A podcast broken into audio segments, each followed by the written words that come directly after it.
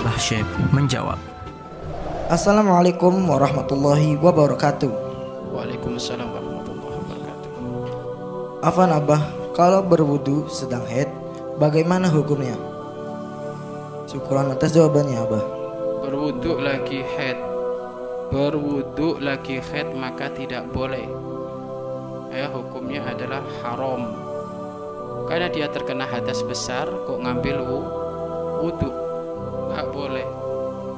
Bedakan wudhu karena hadas besar jinabah sama hadas besar masalah keluar da darah. Kalau keluar darah head atau nifas maka berwudu tidak boleh. Berwudu itu ngilangin apa sih? Wudu itu ngilangkan hadas kecil sedangkan dia masih terkena hadas besar maka dia bermain-main di dalam ibadah ibadah hukumnya haram tidak sah wudunya. Tetapi kalau dia jinabah, jinabah terkena hadas besar karena jinabah itu dua sebab. Mohon maaf keluar air mani atau berhubungan suami istri. Walaupun tanpa keluar air mani, maka ini menyebabkan mandi bes besar. Loh sebelum mandi besar dia ngambil wudhu dulu nggak apa-apa.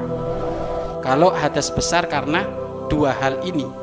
Tapi kalau hadas besar karena tadi head dan nifas, maka tidak diperkenankan ngambil wudhu, wudhunya tidak sah dan juga dia bermain-main dalam urusan ibadah hukumnya adalah ha, haram. Kecuali istihado. Kalau istihado enggak, Istihado ini bukan darah head dan juga bukan darah ni, nifas. Istihado itu sama hukumnya seperti halnya orang yang suci itu istihado. Kalau istilah di kalangan bapak-bapak beser, ya. Kalau di banat itu namanya istihado.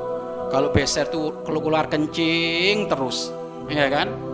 keluar kencing terus ini bagaimana apakah libur sholatnya ya enggak tetap sholat hanya nanti ada syarat-syaratnya hendaknya kalau memang beser seperti itu jangan ngambil wudhu kecuali sudah masuk waktu sholat dan setelah ngambil wudhu bersegeralah sholat. Jangan nunda-nunda kecuali kalau nunggu sholat berjamaah.